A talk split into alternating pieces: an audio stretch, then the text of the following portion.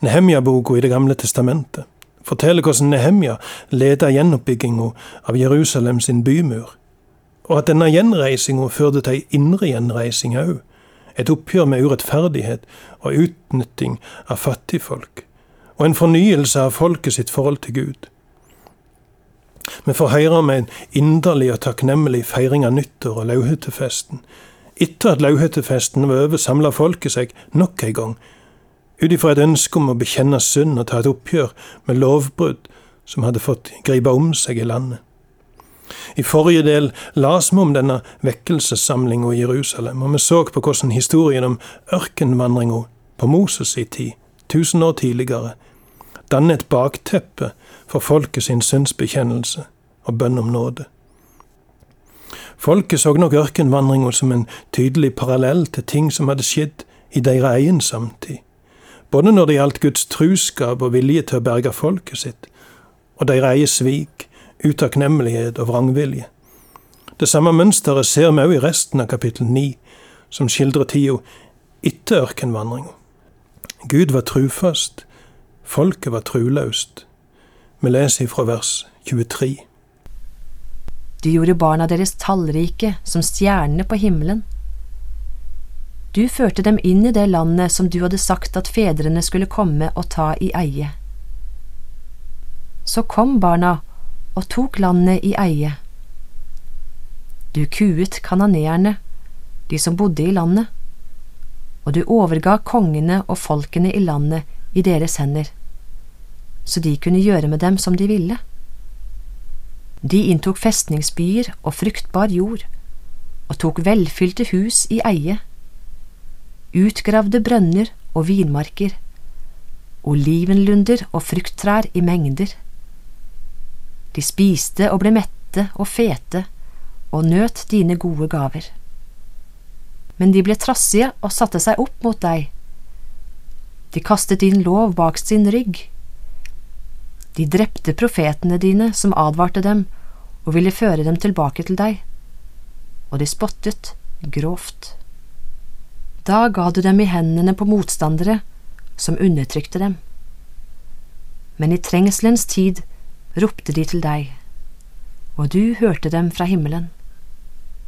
I din store barmhjertighet sendte du befriere som frelste dem fra fiendehånd.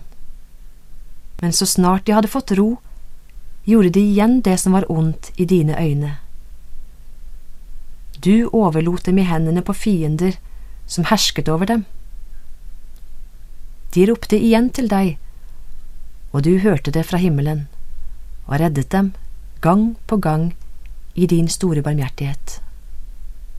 Du advarte dem, for du ville føre dem tilbake til din lov, men de var hovmodige og hørte ikke på dine bud. De syndet mot dine lover som gir mennesket liv når det følger dem. De vendte ryggen til i trass de var stivnakket og ville ikke høre.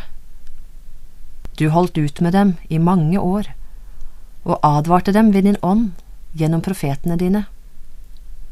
Men de ville ikke lytte, så du overga dem i hendene på folkene omkring. Men i din store barmhjertighet gjorde du ikke ende på dem, og du forlot dem ikke, for du er en nådig og barmhjertig Gud. Og nå, vår Gud, du store, mektige og skremmende Gud, du som holder pakten og viser godhet. Se det ikke som noe ubetydelig, disse harde tidene som har rammet oss.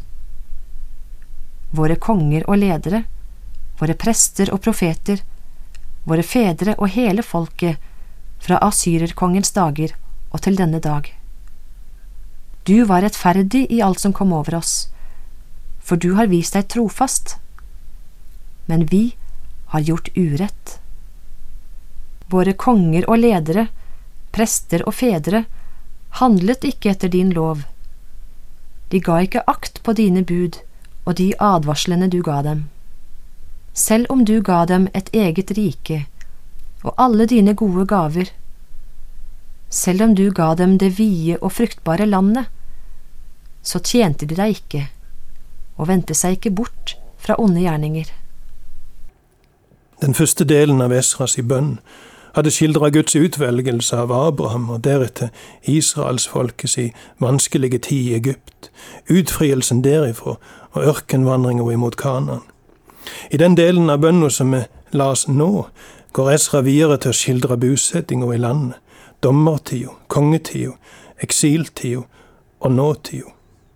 Og som jeg sa før vi begynte å lese, det samme mønsteret som preger ørkenvandringa, preger òg resten av folket sin historie.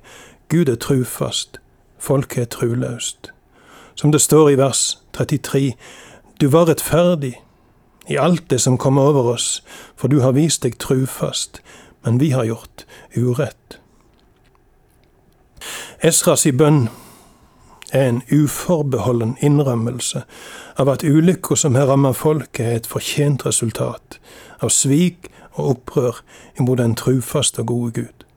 Erkjennelsen av Guds truskap og frelsesvilje brakte folket ned på kne, i sorg og skam over tross, likegyldighet og tverr avvisning av Guds ord. Men samtidig er det denne truskapen hos Gud som folket nå klamrer seg til. Du har vist deg nådig gang etter gang. Så vis deg nådig imot dere igjen, for vi er i stor nød. Dette oppgjøret braut på djupet. Og da gjorde Nehemja noe interessant. Han let folket signere en skriftlig erklæring der de forplikta seg på en rekke konkrete ting. Det høres litt løye ut. I alle fall hvis det skulle skjedd i Norge. Tenk hvis noen kommer til presten eller vekkelsesforkynneren og ønsker å bli en kristen. Evangelisten ber med deg, og så dreier han fram en omvendelseskontrakt og sier signer på den stipla linja nederst på arket. Det høres helt merkelig ut, men det var faktisk dette Nehemja gjorde. Kanskje handler det om at han forsto at en stemning kan være forbigående, og at ei skriftlig erklæring ville utfordre folk til å ta stilling, og ville fungere forpliktende for underskriverne i ettertid. Dessuten kunne Nehemja holde folk ansvarlige hvis de hadde skrevet under på konkrete konsekvenser som omvendelsen deres skulle få. Det er helt sikkert mange mennesker opp gjennom tiden òg her i Norge, som er blitt djupt rørt av å høre evangeliet, som har vært innstilt på at de fra nå av vil de følge Jesus. Men det har ikke munnet ut i en offentlig bekjennelse. Eller har ikke vært tydelig hva slags konkrete konsekvenser omvendelsen deres skulle få i hverdagen, og så glir de gradvis inn igjen i gamle mønster, og standpunktet de har tatt, forvitrer. Å gi livet sitt til Gud må få konkrete konsekvenser. Av to grunner. For det første, å ta imot Jesus er å ta imot han som både frelser og herre. Ifra nå av er det han som bestemmer. Det er et regjeringsskifte. Det skjer ikke uten motstand ifra den delen av oss som vil bestemme sjøl. Det kan godt hende at vi ser lite framgang og lite endring. Det kan godt hende at det blir mange tårer over at ting ikke blei sånn som det skulle.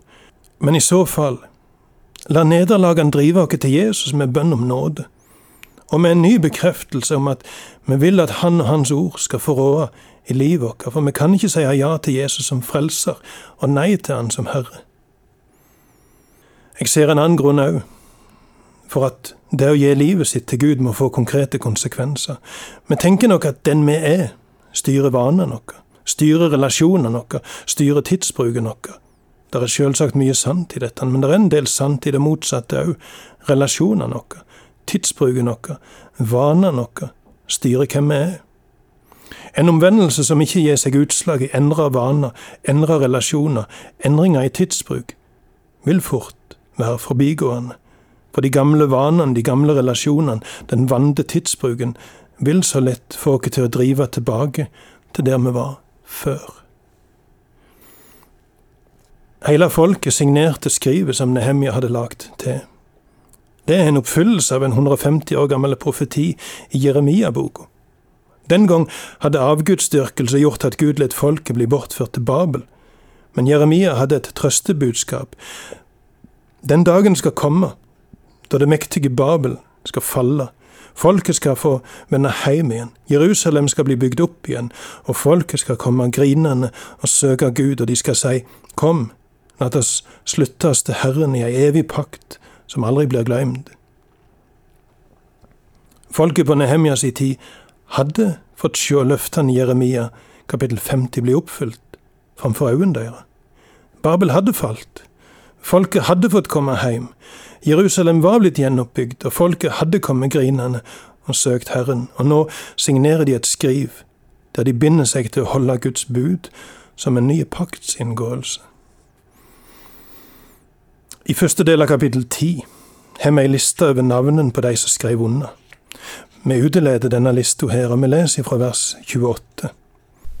Resten av folket, prestene, levittene, portvaktene, sangerne, tempeltjenerne og alle de som hadde skilt seg fra folkene i landområdene omkring for å holde seg til Guds lov, sammen med kvinnene, sønnene og døtrene deres, alle som var i stand til å forstå. Alle sluttet seg til sine fremste landsmenn og gikk inn under eden de hadde sverget om å følge Guds lov som var gitt ved Moses, Guds tjener. De ville holde alle budene fra Herren vår Gud, forskriftene og lovene hans, og leve etter dem. Vi lover at vi ikke skal gi døtrene våre til folkene i landet omkring, og ikke ta døtrene deres til koner for sønnene våre. Når folkene i landet kommer med varer eller korn av alle slag for å selge på sabbaten, skal vi ikke kjøpe av dem, verken på sabbaten eller på andre hellige dager. Hvert sjuende år skal vi la jorden ligge brakk og ettergi all gjeld. Vi forplikter oss til å gi en tredjedels sjekel årlig til tjenesten i vår Guds hus, til skuebrødet, det daglige grødeofferet og brennofferet, til ofrene på sabbatene, nymånedagene og høytidene, til helliggavene og syndofrene til soning for Israel, og til alt arbeid som skal gjøres i vår Guds hus. Vi, prestene, levittene og folket, skal kaste lodd om hvordan vedofferet skal føres til vår Guds hus. Hver familie skal årlig, til fastsatte tider, skaffe brensel til alteret for Herren vår Gud, slik det står skrevet i loven. Vi skal årlig komme til Herrens hus med den første grøden av jorden og den første frukten av alle slags trær, og med det førstefødte av sønner og av husdyr, slik det står skrevet i loven. Det førstefødte av både storfe og småfe, og gir dem til vår Guds hus, til prestene som gjør tjeneste der. Det første av brøddeigen som vi ofrer, av frukt fra hvert tre, av ny vin og fin olje, skal vi komme til prestene med, til rommene i vår Guds hus. Vi skal gi tiende av jorden vår til levittene, og det er levittene som skal kreve den inn i alle byene der vi har arbeidet vårt. En aronittisk prest skal være med levittene når de krever inn tienden, og levittene skal selv gi en tiende av tienden til vår Guds hus, til rommene i lagerhuset. For både israelittene og levittene skal bringe offergaver av korn, ny vin og fin olje til disse rommene. Der er utstyret som blir brukt i helligdommen, og der er prestene som gjør tjeneste, portvaktene og sangerne. Vi skal ikke svikte vår Guds hus.